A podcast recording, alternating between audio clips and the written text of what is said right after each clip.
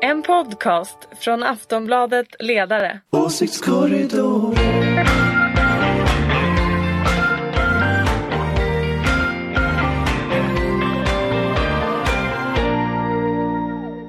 Hej och välkomna till veckans Åsiktskorridoren.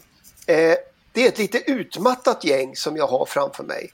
Eh, förra veckan blev ju en nagelbitare för politiska nördar och det är väl en definition utav sällskapet i Åsiktskorridoren.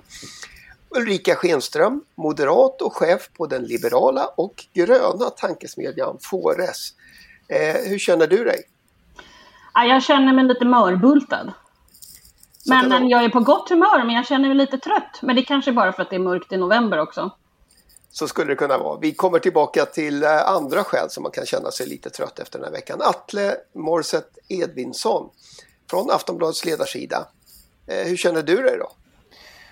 Jo, men eh, var ju lite trött sådär helgen, men man är ju glad ändå. Det är ju ändå en positiv känsla som eh, finns kvar efter den här långa, långa veckan.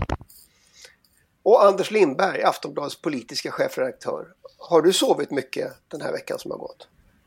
Nej, det kan jag inte säga. Jag, jag satt ju och följde dels själva valvakan som ju aldrig tog slut. Eh, och sen trodde jag av någon anledning att det skulle komma ett valresultat i torsdags kväll. Så då satt jag igen och tittade halva natten på det där.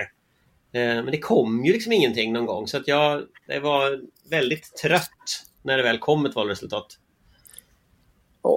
Själv heter jag Ingvar Persson och jag ska försöka leda det här programmet som alla lyssnare naturligtvis redan för länge sedan har gissat kommer att handla en hel del om det amerikanska valet. Eh, vi kanske inte ska behöva prata så hemskt mycket om ifall rätt kandidat valdes. Eh, men hur han valdes tänkte jag. Eh, vad säger ni om det här amerikanska valsystemet med majoritetsval? Eh, har vi liksom fått ett bevis för att det svenska proportionella valsystemet är bättre, Ulrika? Ja, det är ju, ja, vad ska jag säga på det Ingvar? Herregud. Ja, ja, alltså det är ju en röst är en röst eh, i Sverige, absolut, på så sätt. Um, ja, jag tror nog att det svenska systemet är bättre. Det här verkar ju väldigt, väldigt eh, tekniskt komplicerat. Jag har läst på i och för sig eftersom jag skulle kom kommentera.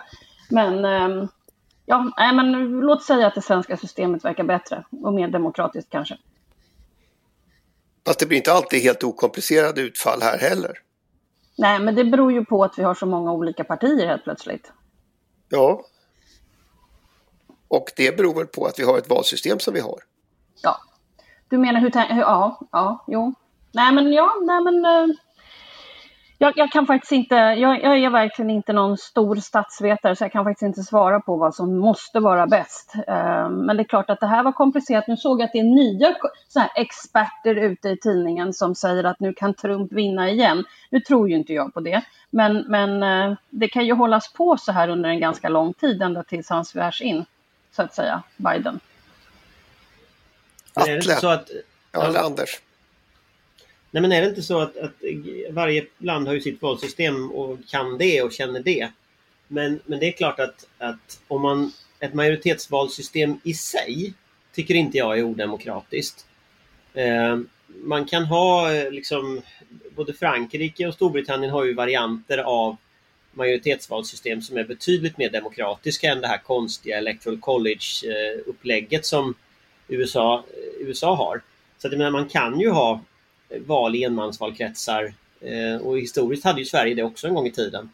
Mm. Eh, så, så det är klart att det, det, det, är ju också en form av demokrati. Liksom. Jag kan ju se en stor fördel i att det blir färre konstiga små partier. Eh, det kan jag ju absolut se.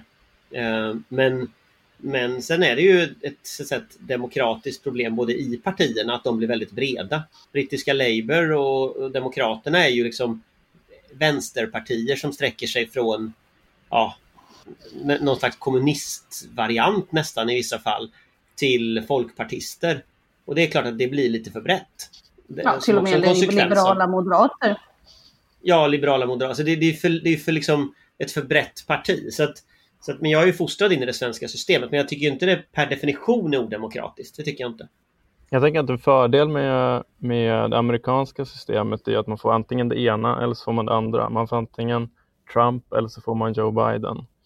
Eh, sen blev det lite konstigt den här gången då, för vi fick, eller de fick Joe Biden, men det är samtidigt en republikansk majoritet i senaten.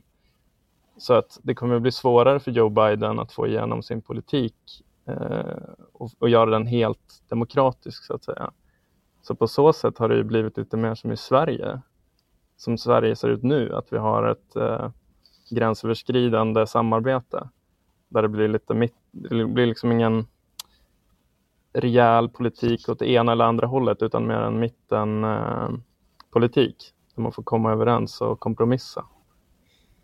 Och, och, då drog vi ju liksom in parlamentarismen och maktdelningen i det här också så har vi nästan alla element i, i att bygga en konstitution. Eh, för det är väl det typiska annars att man menar att det svenska systemet faktiskt ska ge eh, Alltså en, en, regering kan ju inte regera om den inte tolereras av riksdagen. Fast det, det, det är ju, det, alltså, svenska systemet bygger ju någonstans på att vi hade fem partier och att Socialdemokraterna regerade i minoritet men med ett indirekt stöd av kommunistpartiet. Och det är ju så konstitutionen utformades, som att det är någon slags naturlag. Och, och den naturlagen gäller ju inte längre. Både för att S är så pass litet som det är men sen också för, för att hela den strukturen pajade när SD kom in. Så att menar, vi, vårt system är ju anpassat efter en typ av riksdag som inte finns just nu. Så att, eh, det är ju en bidragande orsak till att det blir så konstigt att liksom, vi har 60% borgerlig riksdag och eh, ändå leder sossarna landet. Liksom. Det är klart att det är ett jättekonstigt utfall. Men, men sen tänker jag så att det, det, det Biden behöver nu det är ju ett januariavtal. Man behöver ju få med sig några republikaner eh, för att kunna göra någonting överhuvudtaget. Eh, och det finns några sådana i The Lincoln Project, så att säga. Det var de jag satt och funderade på också. Ja, de sitter ju tyvärr inte. Det är Mitt Romney sitter väl i, liksom, i senaten, men annars är det ju annars är det ju ganska tunt. Liksom. Biden är ju känd som en bra förhandlare, så det är kanske är tur att det var just han som blev president då, med, den här, med de här förutsättningarna, att han måste förhandla. Men, men förutsättningarna för just det, eh, alltså just idag så tycks det ju som den stora frågan är om eh, Donald Trump tänker avgå frivilligt eller om de ska bära ut honom ur, ur Vita huset. Eh, det kommer väl rimligen att påverka förutsättningarna för förhandlingar. Skulle det kunna hända här, Atle? Att man måste tvinga ut en politiker ur eh, eh regeringsposition? Men är det så du menar? Ja, det är så jag menar. Jag vill ju tro att det inte finns sådana förutsättningar, men samtidigt så ser vi ju en, eh, ett ganska så stort svenskt parti som har anammat Donald Trumps retorik. Sverigedemokraterna har ju, varit, eh, har ju bara hakat på det här eh, ifrågasättandet av det amerikanska valsystemet i, på Twitter och andra medier eh, den senaste veckan. Och det går väl tillbaka längre än så också. Och retorik kan ju omsättas i praktik, så varför inte? Varför skulle det inte kunna bli så här? Man ska inte tro att det, är ett, eh, att det finns några garantier mot antidemokratiska politiker i Sverige. Å andra sidan Ulrika så har väl varit en, en uppfattning bland eh, borgerliga sympatisörer att det har varit väldigt svårt att få socialdemokrater att flytta sig. Ja, men absolut. Men jag menar, det var väl inte så konstigt att många som kanske var mot saker och inte för saker tyckte att det var konstigt att ett parti satt i regeringsställning i 65 och 74 år. Så det är klart att eh, det är väl inte, det är väl inte, det är väl ganska stora kretsar i borgerligheten som har eh, som tradition sagt att ja, ja, ja, en socialdemokrat, han lämnar aldrig ifrån sig ordförandeklubban frivilligt. Absolut. Men det är ju för att det också såg ut så under så många år, att vi inte hade regeringar som kom och gick och sådär, utan att det var ett parti som dominerade under så pass lång tid. Man fick ju ändå ändra reglerna så att, så att eh, en, efter ett valresultat så ska ju nu eh, en ny regering väljas. Ja. Just det. Det är väl en bra ordning. Det var väl närmast Göran Persson som tvingade fram den förändringen. Men jag tänker att det, den, det, det, vi ser nu i, i, USA det är ju en, en typ av politik som vi inte har sett egentligen i Västeuropa på väldigt länge. I Östeuropa så har det ju varit så. Alltså den här typen av partier som Trump ju representerar dagens republikanska parti är ett ganska auktoritärt parti. Och tittar man i Ungern till exempel så inte har Viktor Orbán gått med på att avgå. Eh, eller i Polen att du riggar systemet så att du inte ska behöva avgå. Jag menar, så att, visst är det så att en del av den här liksom populist, eh, högerpopulistiska vågen handlar ju om politiska rörelser som i grunden inte är demokratiska.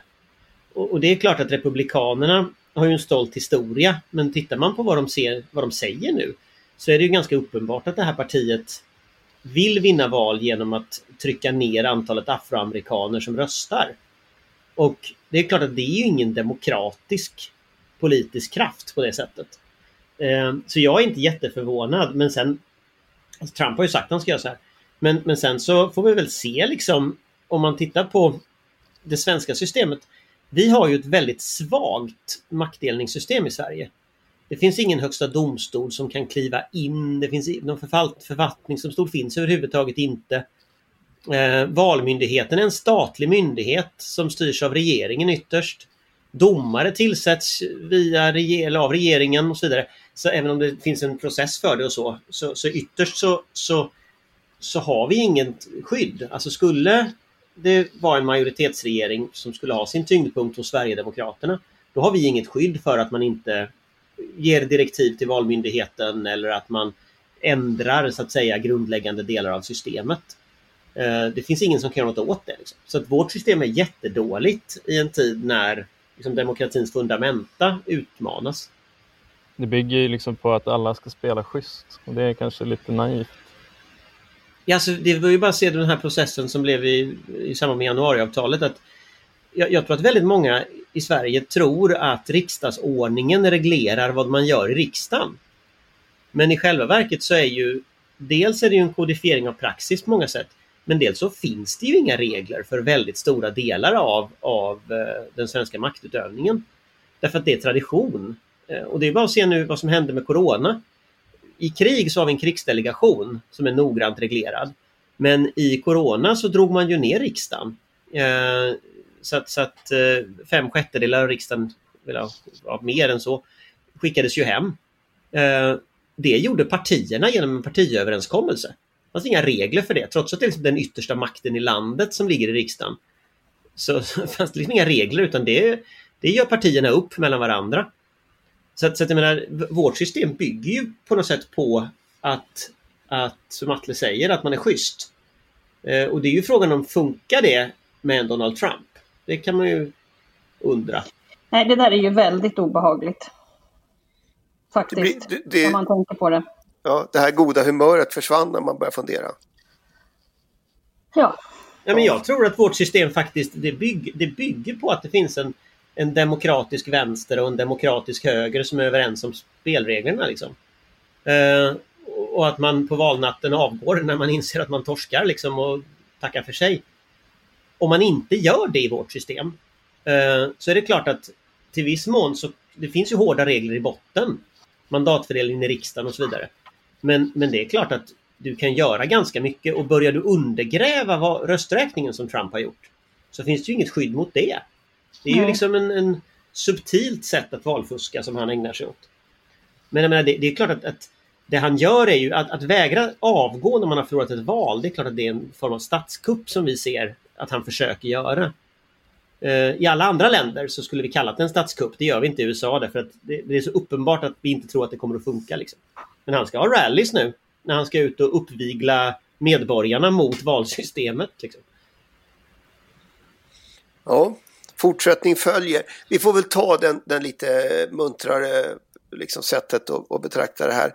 Eh, vi förutsätter att Joe Biden den 20 januari blir insuren som Amerikas 46 president. Kommer jag ihåg rätt då. Eh, blir världen en bättre plats? Ulrika? Ja, det kan man ju hoppas, men eh, man kan ju säga så här att det är väl så att vi har fått andrum kan man väl säga genom att få Biden eh, och att det här finns en chans nu att bygga allianser igen som grundas på liberala demokratiska eh, den ordningen. Ehm, och tar inte Europa och eh, andra chansen nu med att Biden är där och inte Trump så då, tror jag man missar tåget så att säga. Jag var ju orolig för att det skulle bli Trump och att det skulle bli ännu mörkare, men nu finns det ju i alla fall ett ljus och ett hopp. Ehm, men då ska man då också orka ta den så att eh, USA bygger allianser tillsammans med Europa. Jag blev lite bekymrad över att eh, Biden uppenbarligen, eh, eller i alla fall Harris, de är i bråk med, med Boris Johnson. Det är ju liksom inte sådär jättebra om det stämmer, det som jag läste, inte om det var i Washington Post eller något sånt där.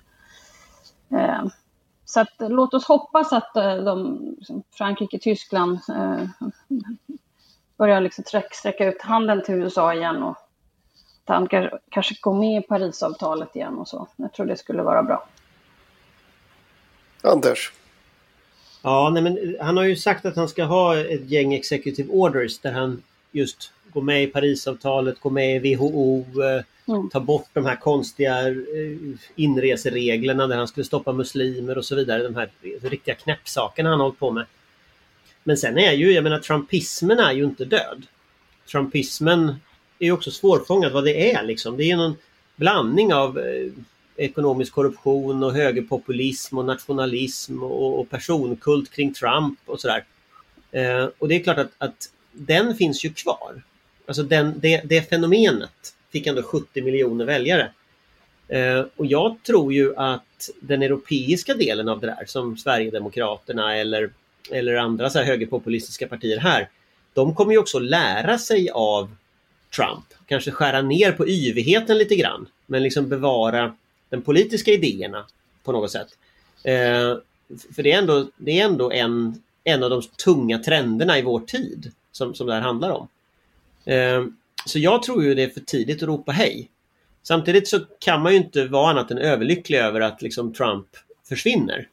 Eh, även om det amerikanska systemet är väldigt skadat eh, så kommer ju ändå, alltså det är ändå någonting annat att slippa sitta och titta varje dag på Twitter på, på Trumps dårfink-grejer liksom och konspirationsteoretiker.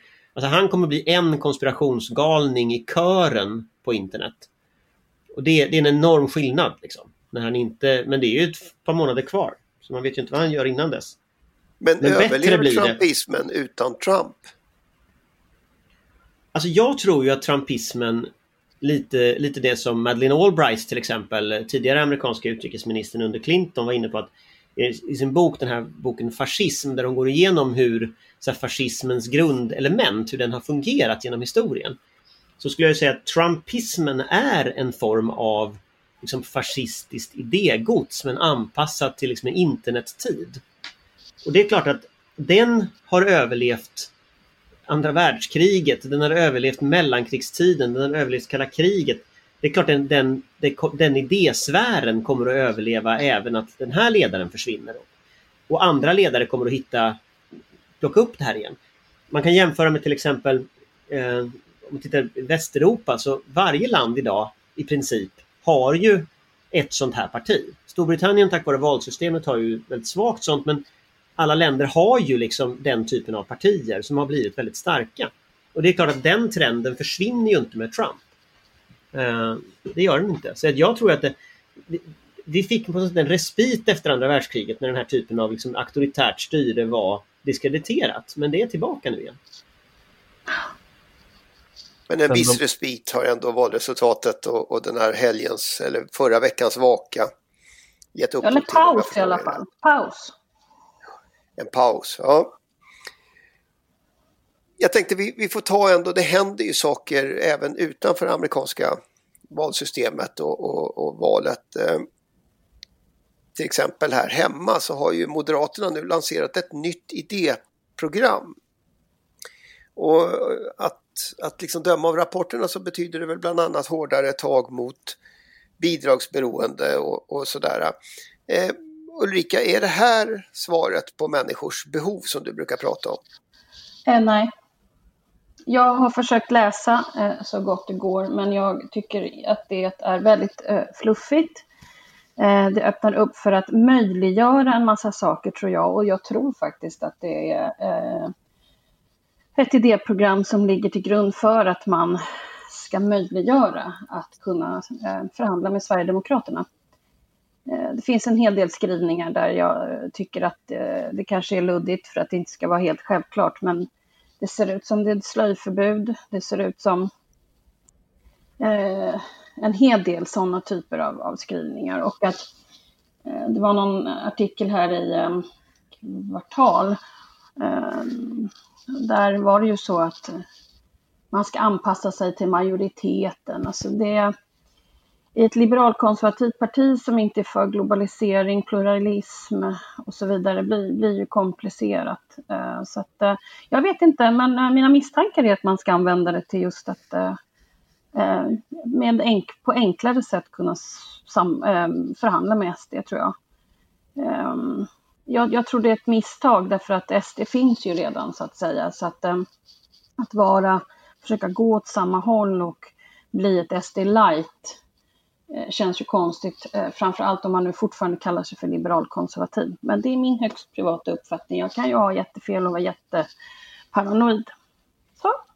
Men är det så man använder idéprogram i, i politiska partier? Alltså, alltså jag har ju aldrig varit särskilt intresserad av idéprogram därför jag tycker att de... Alltså det kan ju vara jättespännande att hålla på med det om man vill diskutera värderingar fram och tillbaka men eh, för att vinna ett val och för att veta vad man vill så måste man ju ha ett reformprogram så att säga. Och det är ju kanske viktigare att tillsätta eftersom det ändå är, och som Anders också sa om, om just demokratiska spelregler som finns i, i vårt land så är det kanske viktigare att titta på just eh, sakfrågor, reformfrågor och så vidare. Jag menar, jag har tjatat om det här länge nu, om det nu är så som jag har sagt så många gånger att vi till exempel har en massa kvinnor som dominerar högskolor och universitet så vet vi att när de kommer ut på arbetsmarknaden och kanske är de som kommer ha de kvalificerade jobben så kommer det faktiskt vara så att det kommer att göra en jättemassa saker med våra system. Och det är sånt som man måste titta på nu. De här generationerna är på väg ut nu på arbetsmarknaden. Vad, vad gör man för att möjliggöra det eh, när det är kvinnor som har Kommer vi ha låga kapitalskatter och höga inkomstskatter eller ska vi ha om kvinnor är de som har kapitalet i framtiden, hur gör man då? Ja, jag är ingen expert på det här, men jag vet en massa som är det och det är väl kanske de som ska titta på det här och återkomma så att partier har riktiga, bra reformprogram och kan bygga en budget som är realistisk som man kan införa på en gång med tanke på att vi har fyra år eh, i regeringsställning per gång. Jag tycker att man hade kunnat fokusera istället på detta. Eh, så att, ehm, ja, vi vet ju när Centerpartiet hade ett idéprogram så vet vi också att det gick lite härligt till och sådär. Ni kommer ihåg månggifte och sånt där. Det påminner mig om, om de eh, som var väldigt likt faktiskt det som vi höll på med i Fria Moderata Studentförbundet i början på 90-talet när vi till och med var, var för återinförande av duellrätten. Eh, jag skojade lite nu. Uh, så, så, så blev det Strick säger det först innan de Ja, men vi höll ju på med det där för att vi var studentikosa. Nu blev jag på lite gott humör Men de har fortfarande kvar duellrätt. Jag frågade Moderata studentförbundet för några, några år sedan. De hade fortfarande Jaha. kvar duellrätten där. Ja, det är bra. Det är bra. Någonting måste man ha lite roligt åt. Eh, de säljer i alla fall inte sprit på gatan längre, det gjorde vi. Men, men i vilket fall som helst, jag, jag gillar det här med när man liksom vill något och, och, och så. Eh, och då tror jag att ett eh, kanske hade varit mer effektivt framöver. Mm, det var väl kanske inte helt överraskande. Svara. Eller hur? men, eh, men nu blev det inte ett reformprogram utan ett idéprogram. Men eh, Atle, vad tänker du? Är det här ett steg som Ulrika antyder eh, för att, för att liksom legitimera ett samarbete högerut? Ja, alltså jag hakade fast mig på en grej när jag läste en, en nyhet om att det kommer ett nytt idéprogram, eller är på gång. Eh, och det var att eh, de eh, lyfte fram det att de är liberalkonservativa igen, till skillnad från vad det förra idéprogrammet gjorde. Och det står ju på, det är en av de första rubrikerna i i det programmet att ja, beskriver liberal konservatism och hur Moderaterna ser på det. Jag undrar om, om man ska se på ett idéprogram som en, ett dokument som ska skicka signaler till väljarna, då tror jag också att det är ett sätt att placera sig bredvid Sverigedemokraterna och säga att ja, men, det finns en ådra i Moderaterna som är konservativ och det finns, pre precis som att det finns en ådra i Sverigedemokraterna som är konservativ. Så att det blir ett väldigt tydligt sätt att visa att här finns det likheter. Vi kan, vi kan stå bredvid varandra om det behövs och, och vi kan ta stöd här om vi eh, behöver det efter nästa val. Och det, om man har etablerat det hos moderata väljare, då kanske det inte känns så jättejobbigt för moderata väljare om Ulf Kristersson sträcker ut handen till Jimmie Åkesson efter nästa val. Det är väl i och för sig det man har sett i opinionsundersökningar redan innan idéprogrammet eh, fanns. Hur som helst så kan vi väl konstatera att det verkar både lite mer väntat och lite mindre eller lite mer förberett än det här centerpartistiska valprogrammet eller idéprogrammet som Ulrika antydde. Den gången fick ju den nyvalda partiledaren åka hem från semestern för att städa upp. Fast, fast läser man, när jag läser programmet då då läser jag ju, jag läser nog, jag läser ju kanske, jag är som andra ögon än Ulrika, men jag läser nog in lite mer kontinuitet ändå än vad Ulrika läser in i det.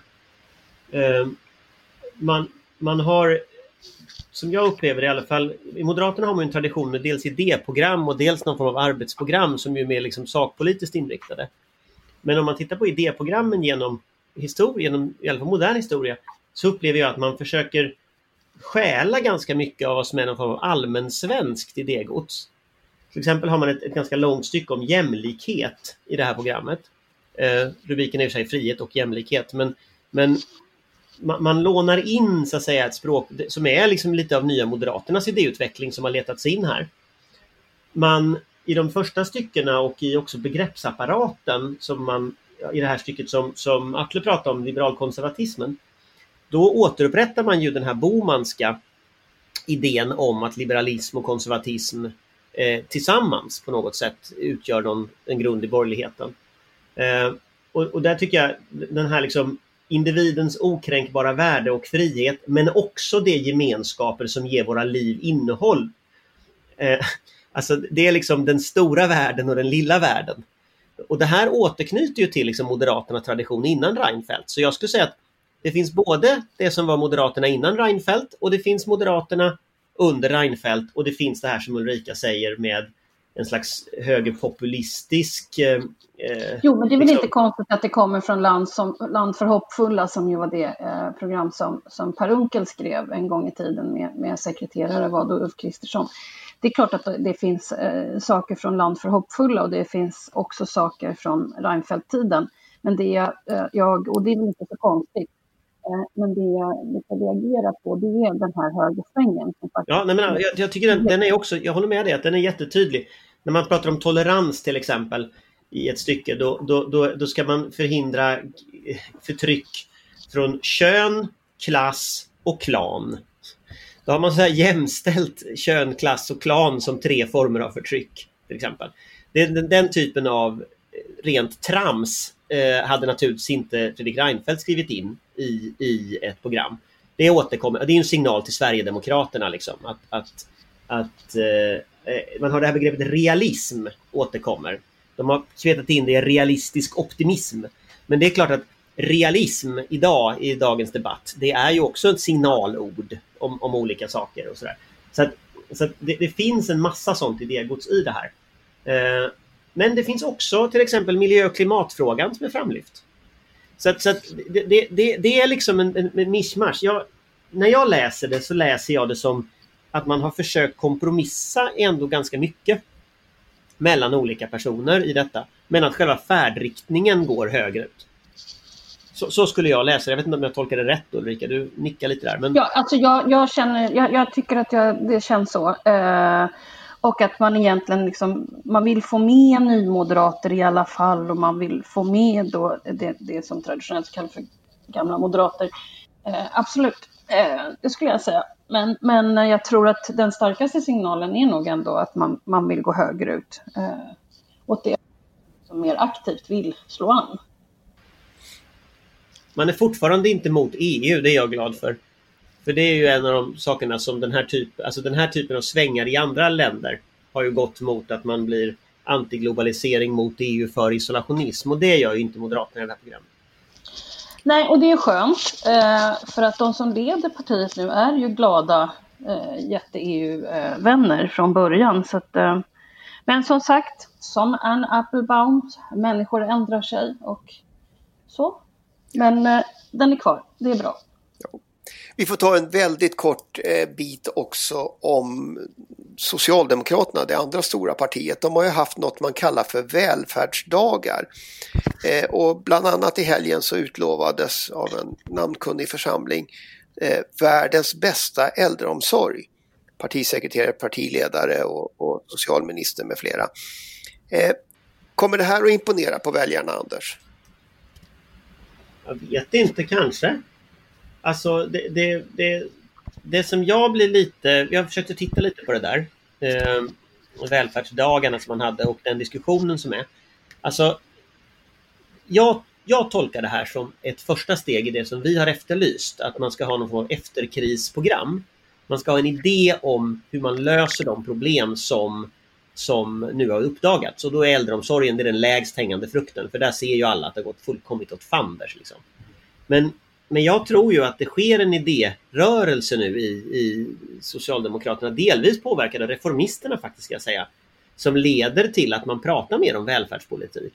Eh, och jag menar, om, om, Moderaternas nya idé var att vi ska ha färre invandrare, eh, då är Socialdemokraternas nya idé, om man säger så, att vi ska ha en starkare välfärdsstat och en starkare stat. Och det där, jag tror att de där, båda de där Eh, är ganska grundade bland de väljare man vill vinna. Så jag tror att det är, en, jag tror det är rätt tänkt av S-ledningen. Men det måste fyllas med ett innehåll eh, som också går att få igenom i riksdagen. Och det här är väl på något sätt första steget till det. Att man börjar ha en egen S-röst. Det är bra, tycker jag. Men det behövs sen en parlamentarisk strategi för att få igenom liksom, genom de här sakerna. Det är ju inte bara äldreomsorg heller. Det är massa, att man har gått igenom alla sakområden faktiskt eh, i, helgen nu här. Som var. Men äldreomsorg har man ju kommunicerat utåt och försöker liksom lyfta. Betyder det här att det här är alltså den, den eh, politiska spelplan vi kommer att ha de kommande åren? Men det är klart att efter coronan så kommer det ju vara så att det kommer att vara ett hackande om äldreomsorgen och vilken bruks Eh, Eh, hur, hur de är styrda, de här företagen och, och kommunal eller inte kommunal regi och sådär. Så, så det, det är väl det som Socialdemokraterna håller på med nu och spelar upp bollen. Eller hur? Det känns som det ligger nära till hans väljare också. Eh, man har ju, alltså, nästan alla svenskar har väl en berättelse om corona och väldigt många har en berättelse om äldreomsorg, om det handlar om en själv eller om det handlar om en nära släkting eller vad det nu är. Så det är klart att man tjänar på att rikta in sig på äldreomsorgen om man ska prata välfärd.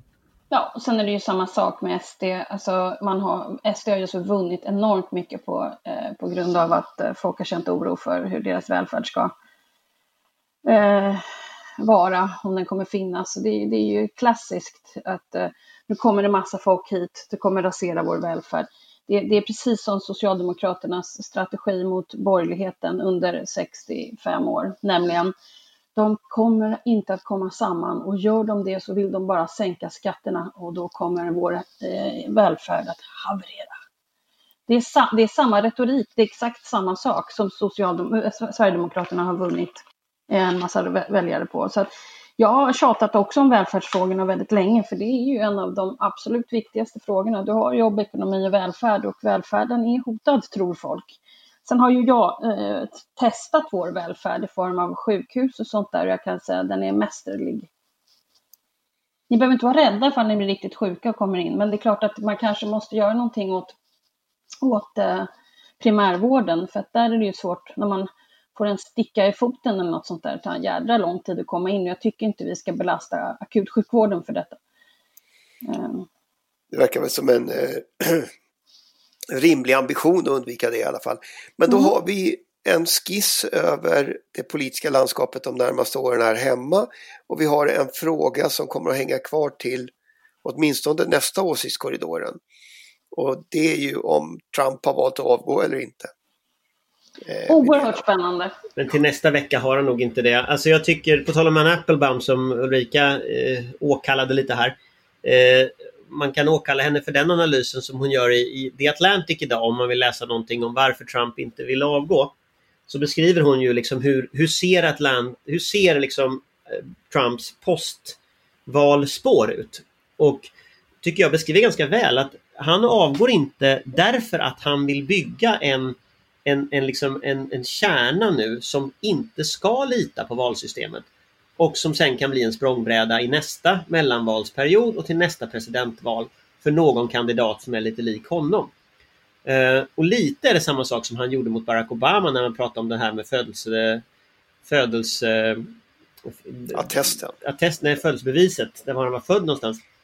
Att du bygger helt och hållet på konspirationsteorier. Uh, men han vet ju samtidigt att det fungerar.